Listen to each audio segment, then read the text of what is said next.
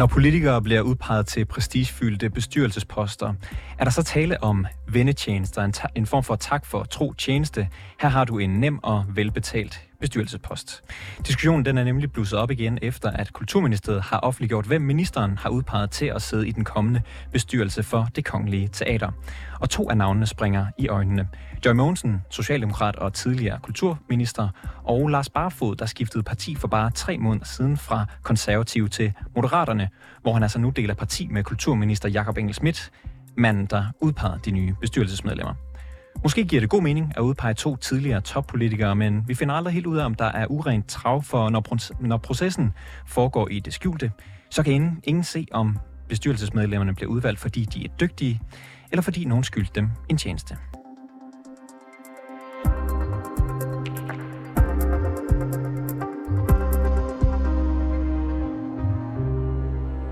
Jesper Olsen, direktør i Transparency International Danmark. Vi ringte til dig i fredags, fordi vi så øh, Rasmus Jarlov, han skrev på det sociale medie X, at han sammenkædede Lars Barfods partiskifte med det, at han nu er blevet udtaget, udpeget som bestyrelsesformand for det kongelige teater. Øhm, den nu tidligere konservative øh, partileder er også kandidat for Europaparlamentet for Moderaterne, og det er jo interessant, fordi kulturministeren også er fra Moderaterne. Har Rasmus Jarlov ret? Han får, for, eller hvad kan man sige, han, han insinuerer, at der er en form for uren trav. Har han ret i det? Rasmus Jarlov øh, må jo vide det. Rasmus Jarlov er selv tidligere minister. Rasmus Jarlov deltager i det politiske spil på, øh, på højt niveau. Så jeg noterede mig også, at, at vi så noget faktisk noget helt særligt, nemlig at der var en politiker øh, fra et af de gamle traditionelle magtpartier, der stillede det her spørgsmål. Og det gør jo selvfølgelig, at man lige øh, spærrer øjnene op, og så spørger, er der i virkeligheden noget om snakken her? Og øh, du øh, arbejder jo til daglig med at øh, hvad kan man sige, bekæmpe korruption, kæmpe for mere gennemsigtighed i beslutningsprocesser. Ser det skidt ud, det her? Jamen, jeg synes jo, at øh, det spørgsmål her er jo simpelthen så ærgerligt. Fordi nu er der blevet udpeget en ny bestyrelse for det kongelige teater. Det kongelige teater står i nogle store øh, udfordringer. Øh, vi, der er et politisk krav om, at de skal levere flere og flere forestillinger, få flere og flere publikum ind, og samtidig så kan vi læse også i avisen øh, om beretninger fra det kongelige teater, at de er i gang med at slide øh, musikkorpset ned, eller det, det kongelige kapel. Der er store problemer øh, på balletten, både i forhold til belastning og i forhold til tidligere problemer omkring overvægten, ekstern undersøgelse osv. osv. Så hvis der er noget, vi har brug for, så er det en god ledelse af det kongelige teater, og at øh, den daglige ledelse, nemlig øh, direktionen med Kasper Holten i spidsen, har en stærk bestyrelse, som både kan være en god sparringspartner, men også kan være deres repræsentant. Og så diskuterer vi lige nu, ikke om vi har fået en god bestyrelse, men om vi har fået politiske vendetjenester, og det synes jeg i virkeligheden er ærgerligt for det kongelige teater.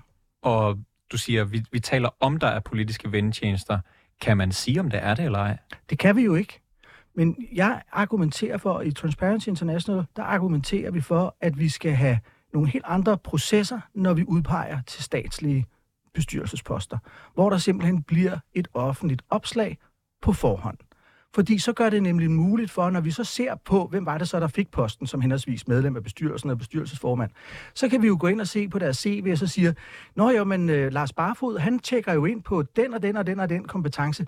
Det var sørme et godt valg. Tillykke til det kongelige teater. Men hvis der, er en stærk bestyrelse. Men hvis der er åbne processer, så er det vel i sidste ende alligevel kulturministeren og kulturministeriet, der skal beslutte, hvem der udpeges. Så er det ikke bare ekstra byråkrati, der bliver lagt på? Øh, det vil jeg ikke mene, det er.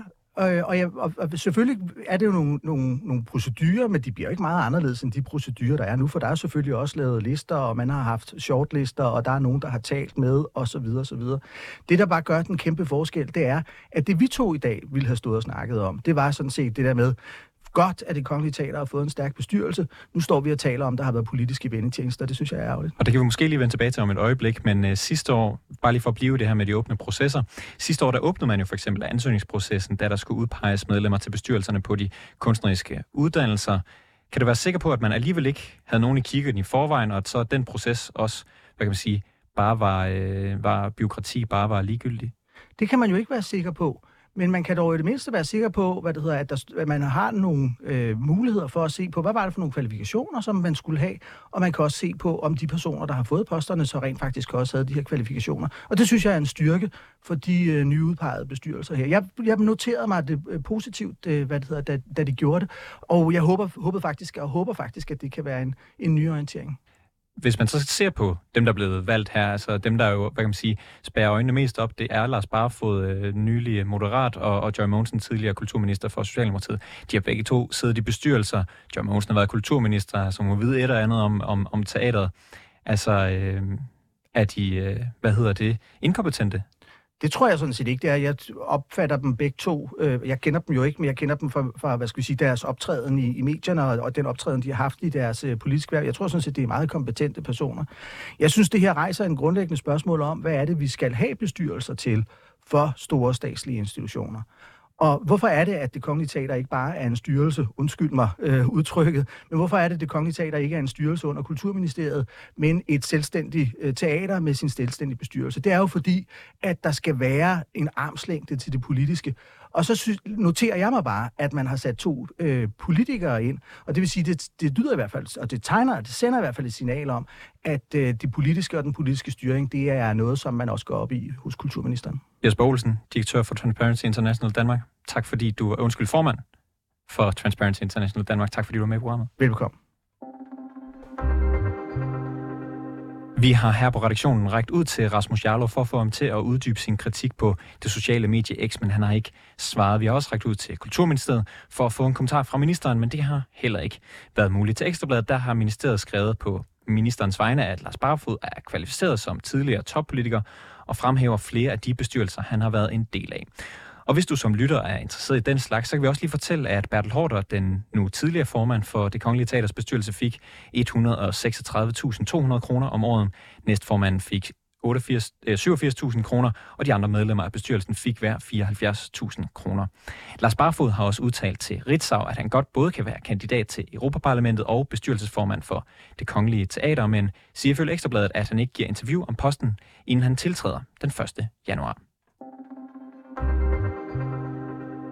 Og det var alt for denne omgang. Reporterne bag dagens udsendelse var Jeppe Aumann Øvig, der også har produceret. Simon Renberg er redaktør, og mit navn er August Stenborn.